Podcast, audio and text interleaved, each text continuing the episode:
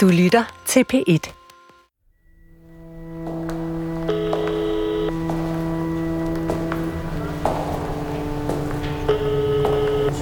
Ja, hej, jeg hedder Emil Jacobsen. Jeg er journalist på Danmarks Radio. Øhm, jeg ringer, fordi at jeg er i gang med at lave en, øh, en radiodokumentar om en, øh, en nattevagt eller en, en socioassistent. Jeg er gået i gang med en jagt, og øh, han er dømt for at have misbrugt øh, to psykiatriske patienter. En jagt efter nattevagten, som begynder i foråret 2017, da jeg finder ud af, at nattevagten, der er kendt skyldig i og er dømt for seksuelle overgreb på to psykiatriske patienter, stadig gerne må arbejde med patienter. Jeg er nok mere bare sådan forarvet over det. Altså ja. tænk, hvis man stadigvæk arbejder inden for psykiatrien. Mm. Mm. Ja. Grunden til, at jeg ringer til jer, det er at finde ud af, at han faktisk stadigvæk øh, har lov til at arbejde som, øh, som øh, socioassistent. Så, så det er derfor, jeg også øh, ringer til dig, øh, for at høre, om, om I har haft ham ansat på et tidspunkt. Jeg har, jeg har navn og en fødselsdato også. Jeg nævner ikke hans, øh, hverken hans navn eller hans personnummer i udsendelsen. Men han hedder... Går nattevagten stadig rundt på gangene midt om natten på psykiatriske afdelinger blandt psykisk syge patienter? Og hvordan kan det overhovedet være, at han stadig må arbejde med patienter? Det er fucking vildt. Og for sådan helt, øh, for helt, øh, det er sådan helt anspændt nærmest, eller sådan... Øh. Jeg hedder Emil Eusebius Jacobsen, og det her er fjerde afsnit af Det Perfekte Offer.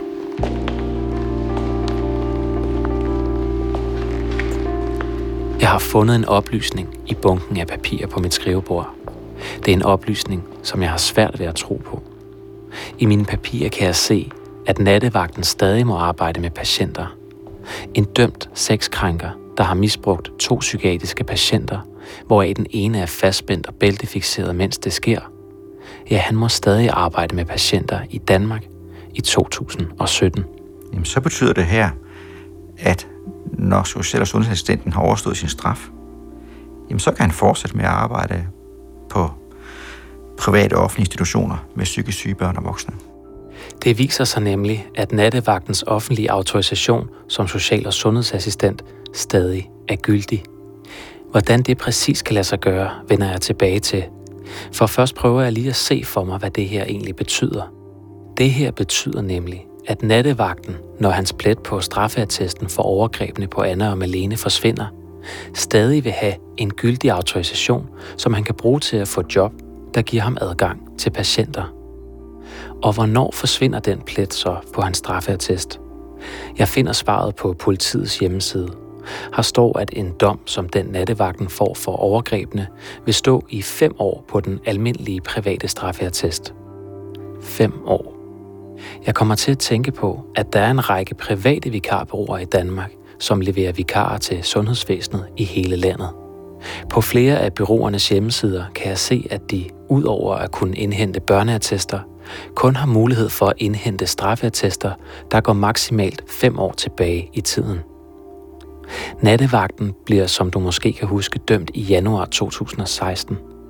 Det betyder, at dommen for overgrebene på Malene og Anna forsvinder fra nattevagtens straffeattest i januar 2021. Det er om fire år. Om fire år vil nattevagten igen med sin gyldige autorisation som social- og sundhedsassistent i hånden kunne få job i et vikarbureau og arbejde med patienter igen, uden at nogen aner noget om overgrebene på Malene og Anna. Da jeg taler med sundhedsjuristen Kent Christensen fra Syddansk Universitet, ja, så vil han heller ikke udelukke det scenarie, at nattevagten i princippet kan komme til at arbejde med patienter allerede før der er gået fire år, og pletten på straffeattesten forsvinder. Men det betyder her, at man forlader sig på, at arbejdsgiveren indhenter straffetester altid, når de ansætter personale. Gør de ikke det, jamen så vil vedkommende kunne fortsætte uhindret med at arbejde på private og offentlige altså på, på private og offentlige institutioner med psykisk syge børn og unge. Man kan vel ikke være sikker på, at, at alle øh, indhenter de relevante straffeattester? Nej. Jeg må tale med min redaktør Jesper om det her. Den 31. maj 2017 holder vi redaktionsmøde.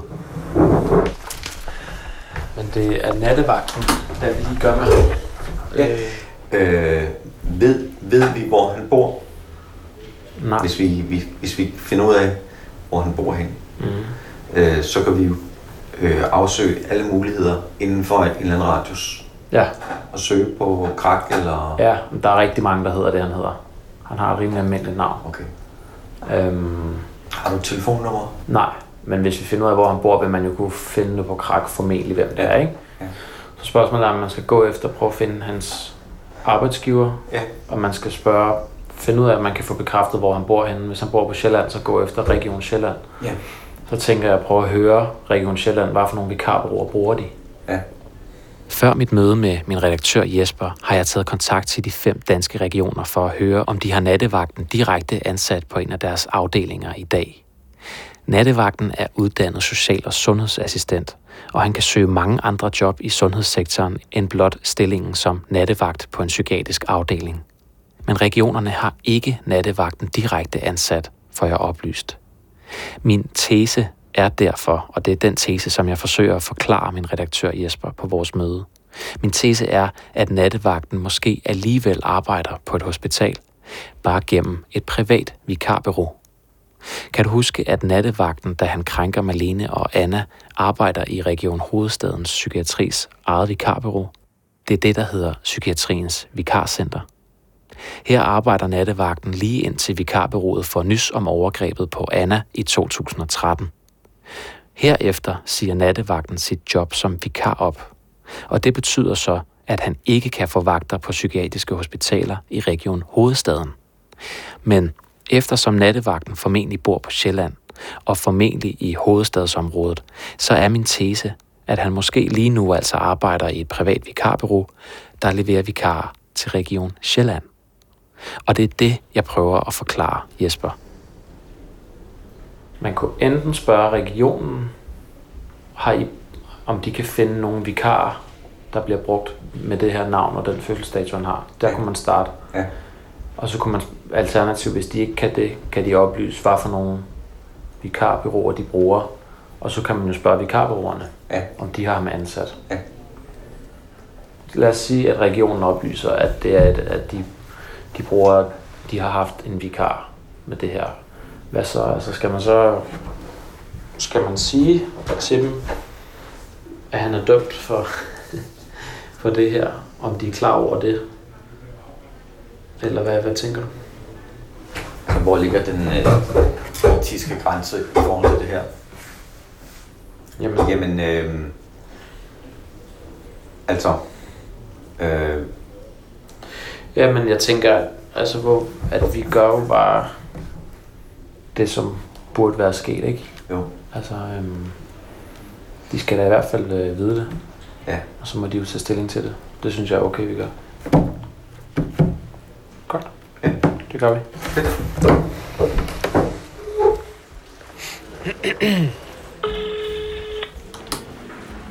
Ja, hej, jeg hedder Emil Eusebius Jacobsen. Jeg ringer fra Danmarks Radio.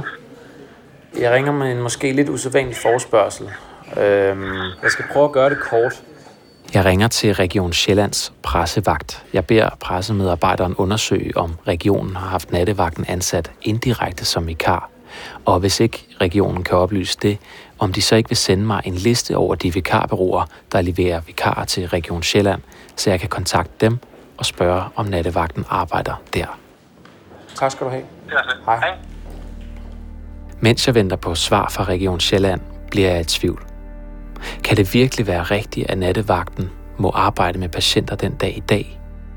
I mine dokumenter kan jeg se, at nattevagten er uddannet social- og sundhedsassistent, det som mange bare kalder socioassistent. Socioassistenter arbejder typisk på hospitaler, i hjemmeplejen eller i bofællesskaber og tager sig af patienter som børn, unge, ældre og psykisk syge. I dokumenterne kan jeg også se, at sundhedsmyndighederne giver nattevagten en autorisation i slutningen af nullerne. En autorisation som altså socioassistent. En autorisation er den danske stats godkendelse og blåstempling af en sundhedsperson til at behandle patienter. Og det er da jeg ser den information om autorisationen, at jeg kommer i tanke om, at der findes et offentligt register over autoriserede sundhedspersoner – det er et register, hvor man kan se, om en autoriseret sundhedsperson, som for eksempel nattevagten, har fået frataget sin autorisation, fordi vedkommende har været til fare for patienter. Jeg finder registret frem og taster oplysningerne om nattevagten ind. Normalt, når man laver sådan en søgning her, og en sundhedspersons autorisation ikke længere er gyldig, så står det altid med store, fede røde bogstaver, som man har meget svært ved at undgå at se.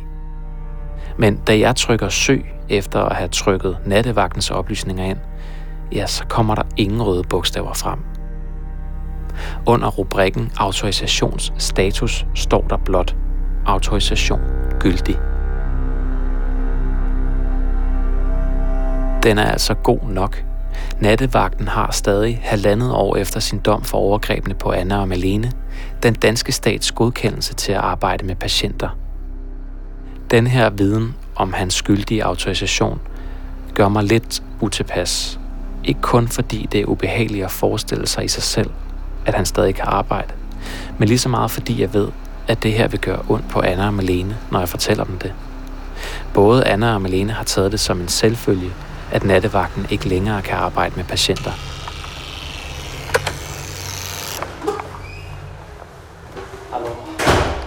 Selvom jeg ikke har lyst til at fortælle Anna og Malene det her, selvom jeg ikke har lyst til, at de skal føle mere smerte over den her sag, så føler jeg alligevel, at jeg skylder dem at fortælle, hvad jeg har fundet frem til.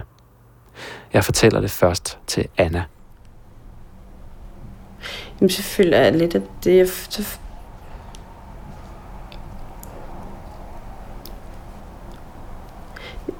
den her mand er jo blevet dømt for, at han er, der er jo, det er jo blevet bevist, at han gjorde det mod mig og Malene.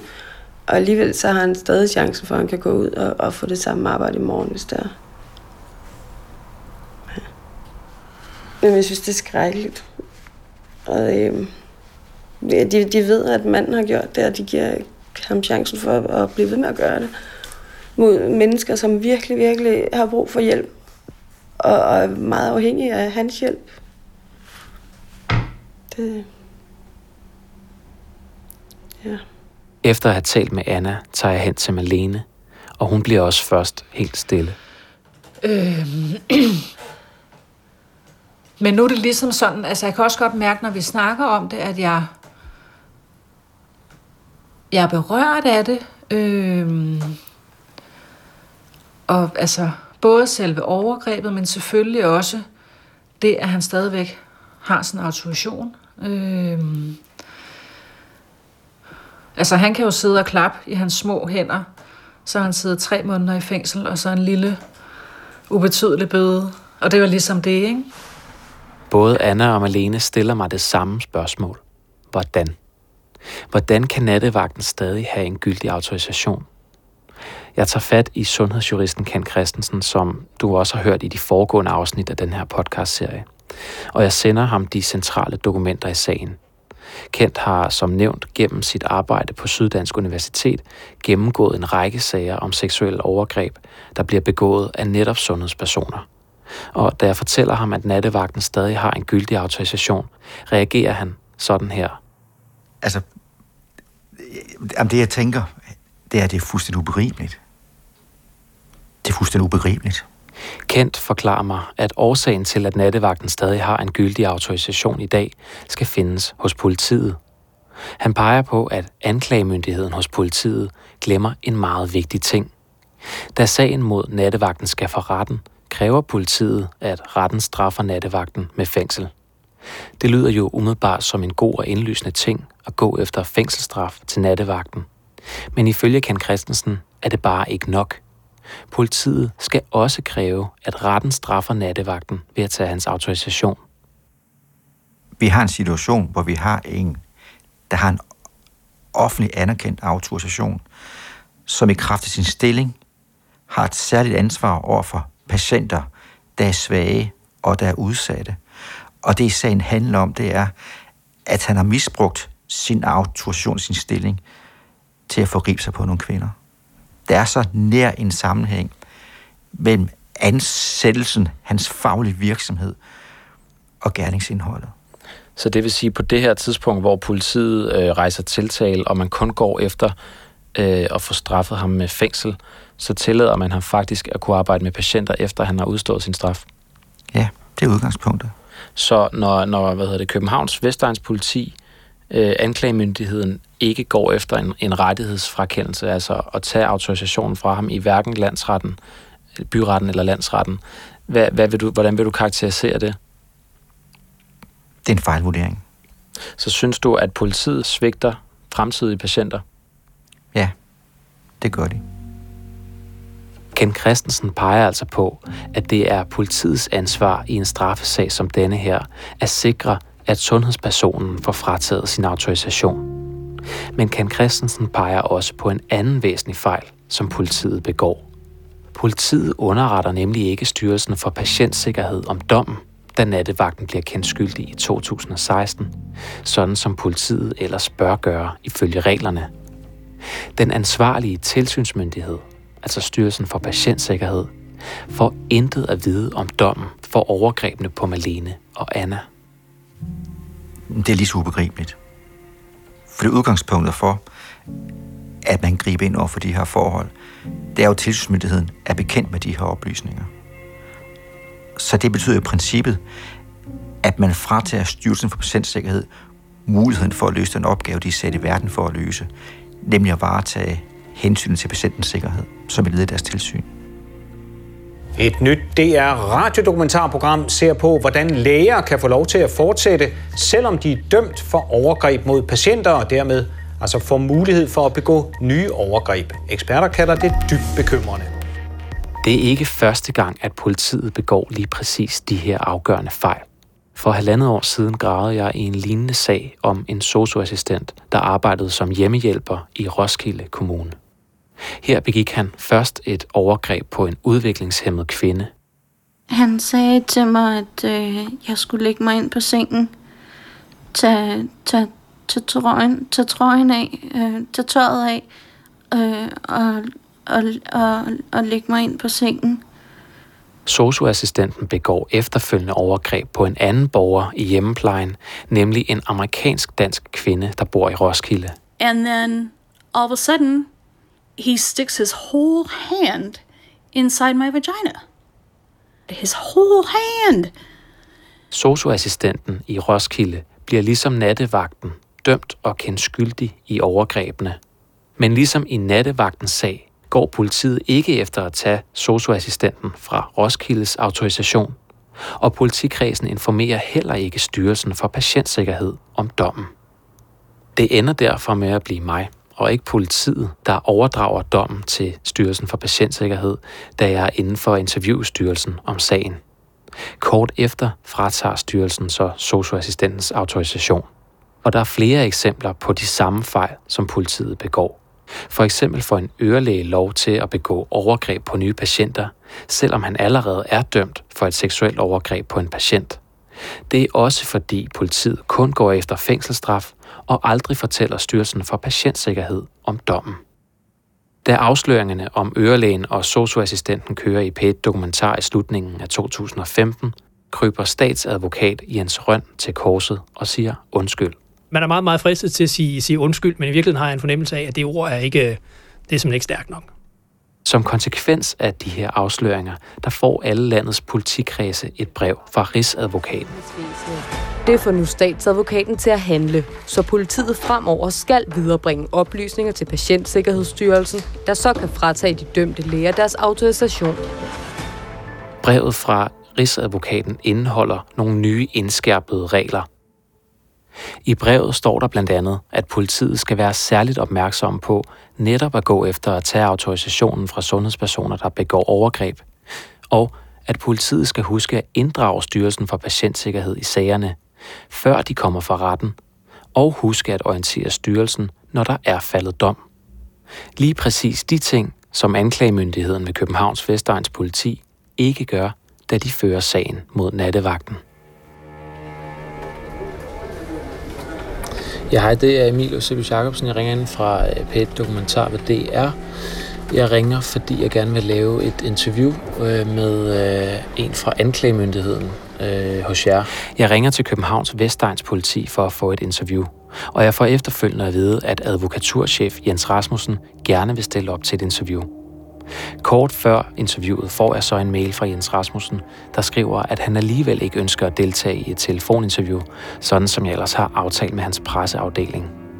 Jens Rasmussen skriver i sin mail, at det ser ud som om, at jeg har fået en fejlagtig opfattelse af, hvad for nogle regler, der gælder for, hvornår politiet skal forelægge de her sager for Styrelsen for Patientsikkerhed. Da jeg læser mailen fra advokaturchefen, bliver jeg først i tvivl, om jeg har misforstået reglerne. Tager jeg fejl? Har politiet faktisk gjort, som de skulle i den her sag? Jeg finder brevet frem, altså det brev fra Rigsadvokaten, der blev sendt ud til landets politikredse i slutningen af 2015, om netop de her regler i de her slags sager. På allerførste side kan jeg se, at jeg ikke tager fejl. Her skriver Rigsadvokaten nemlig, at anklagemyndigheden i lige præcis de her sager, som nattevagtens, skal være særlig opmærksom på at overveje at gå efter frakendelse af sundhedspersonens autorisation. Der står også, at Styrelsen for Patientsikkerhed skal med ind over sådan en sag som denne her, også når der er faldet dom. Jeg har svært ved at se, hvad det er, jeg kan have misforstået, så jeg sender Rigsadvokatens retningslinjer til advokaturchef Jens Rasmussen. Jeg skriver, at jeg gerne vil fastholde at lave et telefoninterview med ham. Jens Rasmussen skriver først, at han vil sende mig et skriftligt svar, men nogle dage senere vender hans pressemedarbejder tilbage og fortæller, at Jens Rasmussen gerne vil stille op til interview på telefon alligevel. Goddag, hvad kan jeg hjælpe med? Ja, hej, det er Emil Jacobsen. Jeg ringer ind fra øh, Danmarks Radio. Øh, ja. Jeg skulle tale med øh, Jens Rasmussen. Et øjeblik her. Hallo. Ja, hallo. Ja. Kan du ja, høre mig? Jens. Ja, hej Jens, det Ja. er Emil inden fra Pet Dokumentar. Ja, hej, Emil. Hej. Øhm, er der noget, du vil tale igennem med mig inden?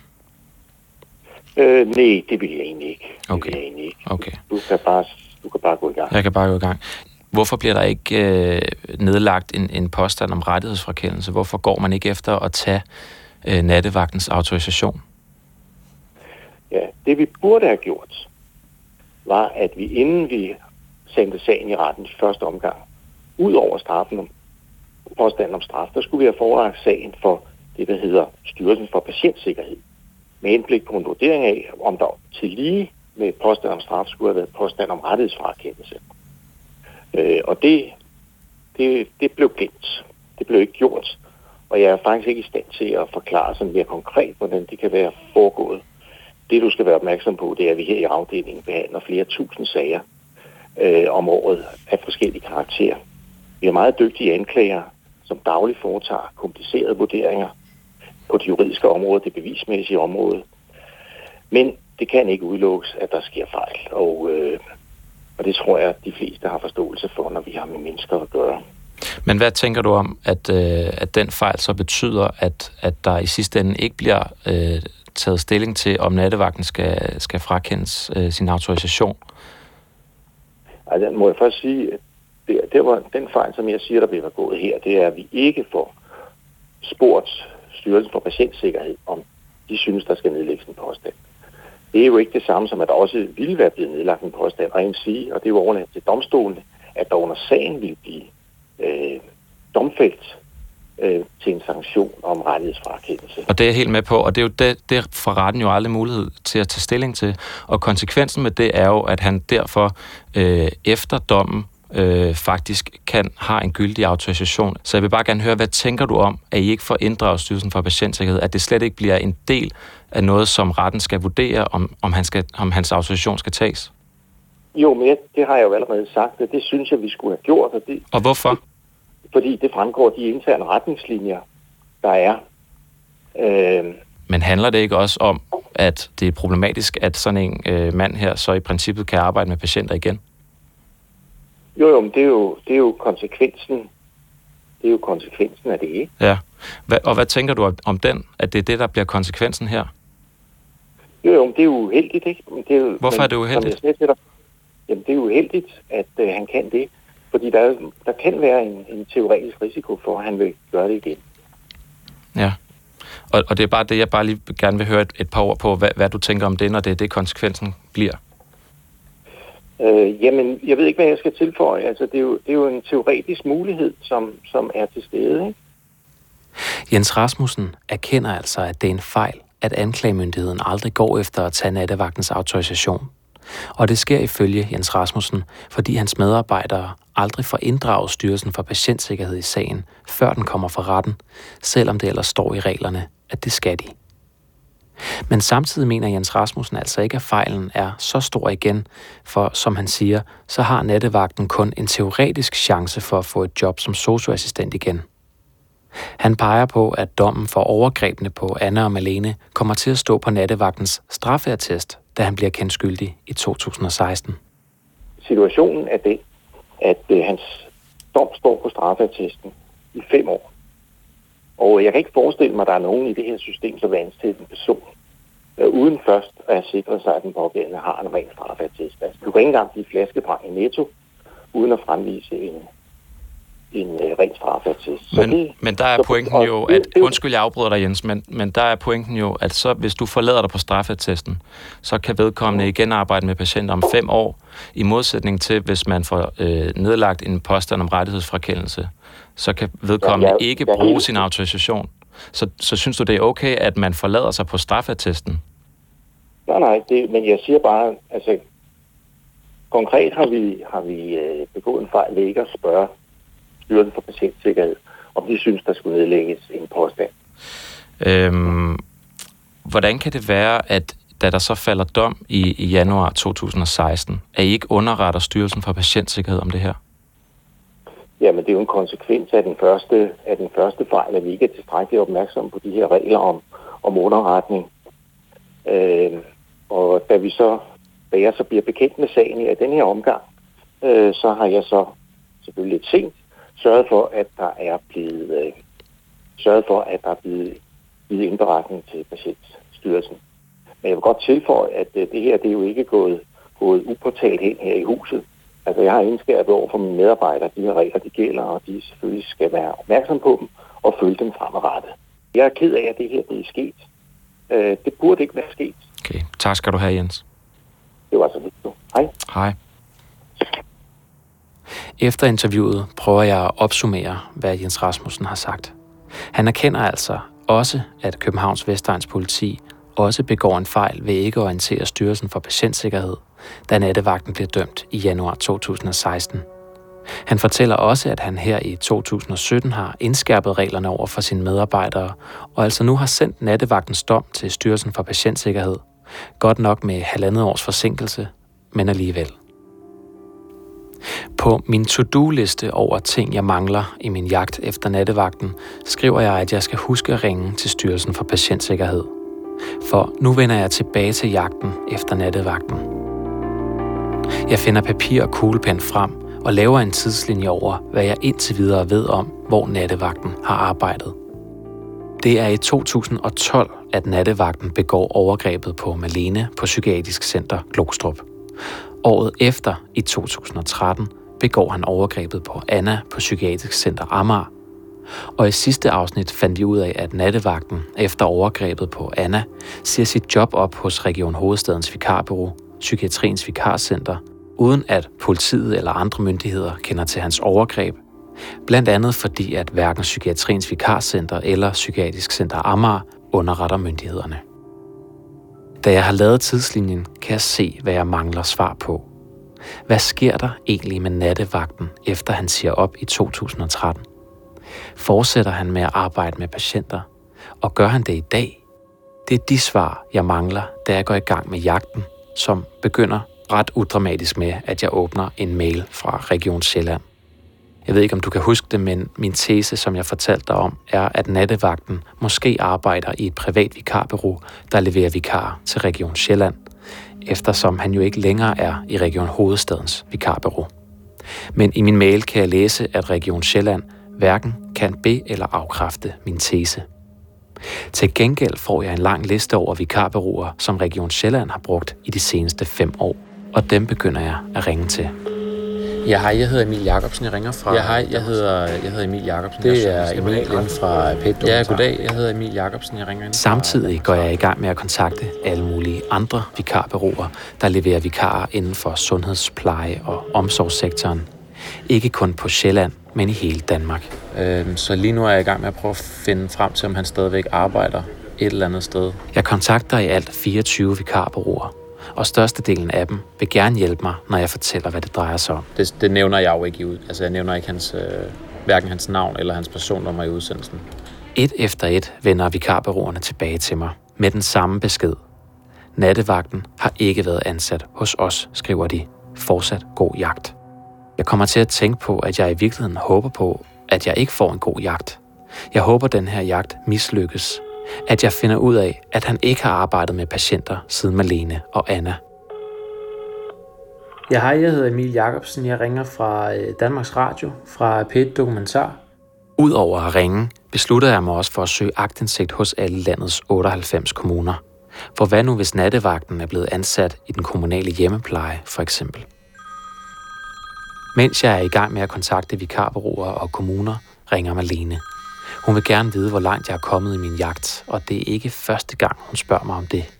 Så, øh, så det har jeg tænkt mig at altså, prøve at finde ud af, hvor han, altså, og hvor han arbejder henne. Om han, øh, Ja. altså, hvor han arbejder, hvis han... Ja, det, det, kan jo være, at han... han Men kan men det han, være, fordi han stadigvæk er en form for vikarbureau, eller hvad? Ja, det er det, jeg tænker. Det kan, det kan jo godt være. Ja, det er rigtigt. Svarene fra kommunerne begynder at tække ind, men ingen kommuner har haft nattevagten ansat. Jeg begynder at tro, at min arbejdstese er helt forkert. Måske stopper nattevagten simpelthen bare med at arbejde med patienter i september 2013. Måske skifter han branche, tager en ny uddannelse og laver noget helt andet i dag. Men så er det, at et vikarbureau ringer tilbage til mig. Ja. Ja. Okay, det er derfor. Så, så kan du sige noget om, hvor lang tid han har været ansat, dengang han var ansat hos jer? Okay. Så han har i hvert fald før marts 2014 været, haft nogle vagter hos jer. Ja, ja. Det viser sig, at nattevagten har været tilknyttet et privat vikarbureau, der leverer vikarer til sundhedssektoren frem til marts 2014. Vikarbyrådets direktør fortæller mig, at de ikke kan se præcis, hvornår nattevagten har haft vagter for dem, eller hvor mange vagter det drejer sig om. Men det er altså muligt for jer at vide, at nattevagten arbejder med patienter i 2014 for det her vikarbyrå. Direktøren ved det ikke. Kort efter ringer min telefon igen. Det er en anden direktør fra et andet privat vikarbureau. Kan du, altså jeg tænker bare, hvor kan han have været på vagt henne der i 2014? Det viser sig, at nattevagten har været ude og arbejde hos patienter for vikarbureauet. Ja, så du kan ikke se, hvornår han begynder hos jer. Du kan bare se, at så det eneste, der popper op, det er to gennemførte vagter i 2014. Er det så psykiatriske afdelinger? Er det også botilbud og sådan nogle ting? Eller... Okay, ja. Det er først, da jeg kommer ud af lokalet, at det rigtig går op for mig, hvad det er, jeg har fundet ud af. Nej, hvor vildt. Det er fucking vildt. Året efter overgrebet på Anna i 2013, arbejder nattevagten altså igen med patienter. Hvor mange patienter, hvor i landet og præcis hvornår i 2014, ved jeg ikke. Men jeg ved, at nattevagten i 2014 er ude som vikar igen. Vildt nok. Han har fortsat med at arbejde med patienter. Og for sådan helt, øh, for helt, øh, bliver sådan helt anspændt nærmest, eller sådan... Øh. I løbet af de kommende dage kommer jeg i kontakt med yderligere to vikarbureauer, der kender til nattevagten. Ingen af bureauerne ender med at give ham nogle vagter, men de kan alligevel godt huske ham. Er der nogen, der kan huske ham, hvordan han var? Altså, hvordan han virkede? Altså sådan... En direktør kan huske nattevagten fra en ansættelsessamtale. Nattevagten er stille, husker direktøren. Og så husker direktøren en anden ting. Nattevagten beder specifikt om at få nattevagter. Da jeg taler med vikarbureauerne, går det op for mig, at de på det her tidspunkt i 2014 ikke har en chance for at vide noget om nattevagtens overgreb på Anna og Malene. Netop fordi ingen myndigheder, herunder politiet, har fået noget at vide om overgrebene. Jeg kommer i kontakt med endnu et vikarbureau. Bureauet fortæller, at de i november 2014 har nattevagten til jobsamtale, men ender med ikke at give ham nogen vagter. Efterfølgende forsøger jeg at komme i kontakt med flere byråer, men uden held. Og nogle dage efter må jeg give op. Sporet efter nattevagten ender i november 2014, hvor nattevagten altså er til ansættelsessamtale, men ikke får jobbet. Om nattevagten får et job i sundheds- eller plejesektoren efter november 2014, det ved jeg ikke. Og det er frustrerende af flere årsager, men særligt fordi jeg gerne vil kunne give Malene og Anna et svar. Jeg beslutter mig for at prøve at gennemgå alle mine dokumenter på ny. Måske er der noget, jeg har overset. Ja, Jens. Mm. Må jeg vende noget med dig? Jens er en af mine kollegaer, og det er da jeg sidder ved siden af ham og gennemgår alle mine papirer i slutningen af august 2017, at jeg opdager noget. Jeg tror lige, jeg har fundet noget. Det her, det er afhøringsrapporten. Prøv at se, hvad der står her. Afhøring af ja. hans navn. Og der er adressen ja. der. Og der er et telefonnummer. Det går op for mig, at jeg har nattevagtens adresse og telefonnummer. Mit navn er Emil Eusebius Jacobsen, og i næste og sidste afsnit af Det Perfekte Offer kontakter jeg nattevagten.